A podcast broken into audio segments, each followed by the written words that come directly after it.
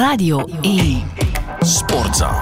Ai, ai, Club Brugge. 5-1 is het geworden tegen Benfica.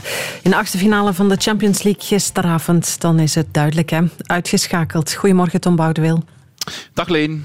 Jij hebt die match gevolgd gisteren. Hè? We hoorden Hans van Aken hier vanmorgen al zeggen ja, het was pijnlijk. Hij keek ook vooral naar de spelers. En die moeten naar zichzelf kijken, zegt hij. Maar iedereen kijkt toch ook naar de trainer, hè? naar Scott Parker. Kan die nog blijven? Ja, dat is eh, de talk of the town. Ook eh, hier nog altijd in eh, Portugal. En volgens mij kan hij niet meer aanblijven, want de statistieken, het gaat dan over de resultaten, die zijn toch dramatisch voor de duurste kern en de rijkste club in België. Ik denk twee overwinningen in twaalf wedstrijden.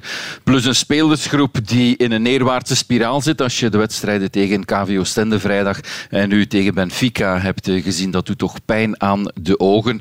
En een spelersgroep klaarstomen, individueel en collectief, dat is toch het werk van de trainer. Zelfs het terugroepen van de succesvolle mental coach Rudy Heilen heeft nog niet geholpen. Mhm. Plus, als je het analyseert, uh, ja, ik vind geen visie terug, geen plan, geen structuur. Er zijn voortdurend positiewissels. Zelfs uh, gisteren weer. Ik hoorde dat de spelers er uh, gisteren zelf van schrokken hoe de ploeg stond. Um, ja, dat vind ik toch raar, want er waren heel wat positieve berichten van Mannaert en Verhaag, de twee sterke mannen, dat Parker hen zo overtuigd had in die sollicitatiegesprekken. En dan blijkt nog maar eens dat de theorie en de praktijk toch uh, verschillen, want hij is nog altijd aan het zoeken. Het lijkt wel een puzzel van 10.000 uh, stukken. En ik, uh, kan me, ja, ik ben niet bij de spelers, bij de sprekingen en zo, maar -hmm. op momenten dat ik hem zie, zoals aan de vooravond van deze wedstrijd op de persconferentie, het lijkt me niet echt een motivator. hij straalt zo weinig uit. De interne communicatie is niet goed. Ja, dan heb je een groot probleem. En ik denk dat Club Brugge er nu slechter voor staat dan uh, bij de aanstelling van Parker. Ja, en dan uh, is een uh, exit nakende. Het is eigenlijk wachten hè, op bevestiging daarvan. Maar de opvolger horen we ook, die zou al klaarstaan. Een oude bekende bij Club. Alfred Schreuder wordt dan genoemd. Ja, de Nederlander, die naam gaat al een uh, tijdje rond. Hij is vrij alleszins na een mislukt avontuur bij Ajax. Want uh, vorig jaar heeft hij Club Brugge kampioen gemaakt. En off the record wordt die naam ook al een beetje bevestigd door een paar uh, spelers. Hij kent de groep. Ik zei, hij heeft ze vorig jaar kampioen gemaakt. Hij heeft al eens overgenomen toen van Philippe Clément. hij heeft ook gezocht naar de juiste aanpak. Maar die strategie die hij heeft uitgetekend, die heeft veel minder lang geduurd dan Parker nu. Het is nog een op iets kortere termijn dat hij dan moet eh, ingrijpen.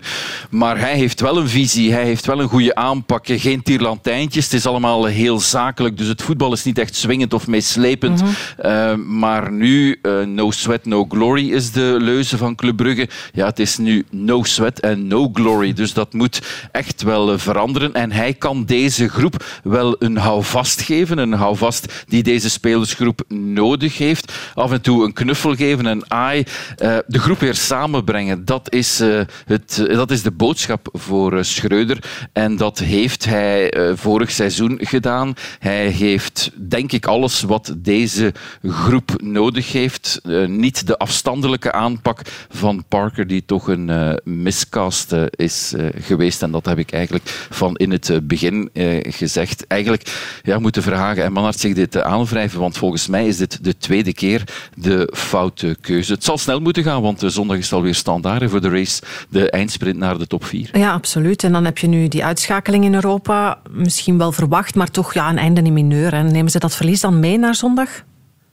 Uh, dat denk ik wel, omdat je toch al een, een heel seizoen in een rollercoaster zit. Ze hebben geen vertrouwen opgedaan gisteravond. Dat is uh, zeker niet individueel, want niemand heeft eigenlijk goed gespeeld. En ook niet als team, uh, om als groep het geloof in elkaar, die teamspirit, samen iets verwezenlijken. Zo de 1 plus 1 is 3 formule, om dat weer aan te zwengelen. Dat one team dat moet terugkomen want, komen, want ik hoor de spelers graag zeggen, want we moeten blijven hard werken. En als we eens winnen, zal het beter gaan. We moeten moeten dit, we moeten dat. Maar we zijn, verdorie, eh, begin maart. We zijn ja. bijna 40 wedstrijden ver. En er staat nog altijd niets. De kwaliteit is er toch, eh, vind ik.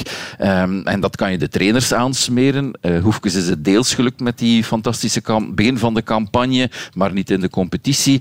Um, maar Parker uh, niet. En dat kan je ook de spelers aansmeren, want zij moeten het, moeten het wel uh, doen. En dan denk ik altijd, na een goed seizoen willen ze altijd loonsverhoging, scherp beschermen ze met belangstelling. Mhm. Maar werkt dat dan ook omgekeerd? Als je een slecht seizoen speelt, dat je dan minder wil verdienen? Soms is de vraag stellen ze ook beantwoorden.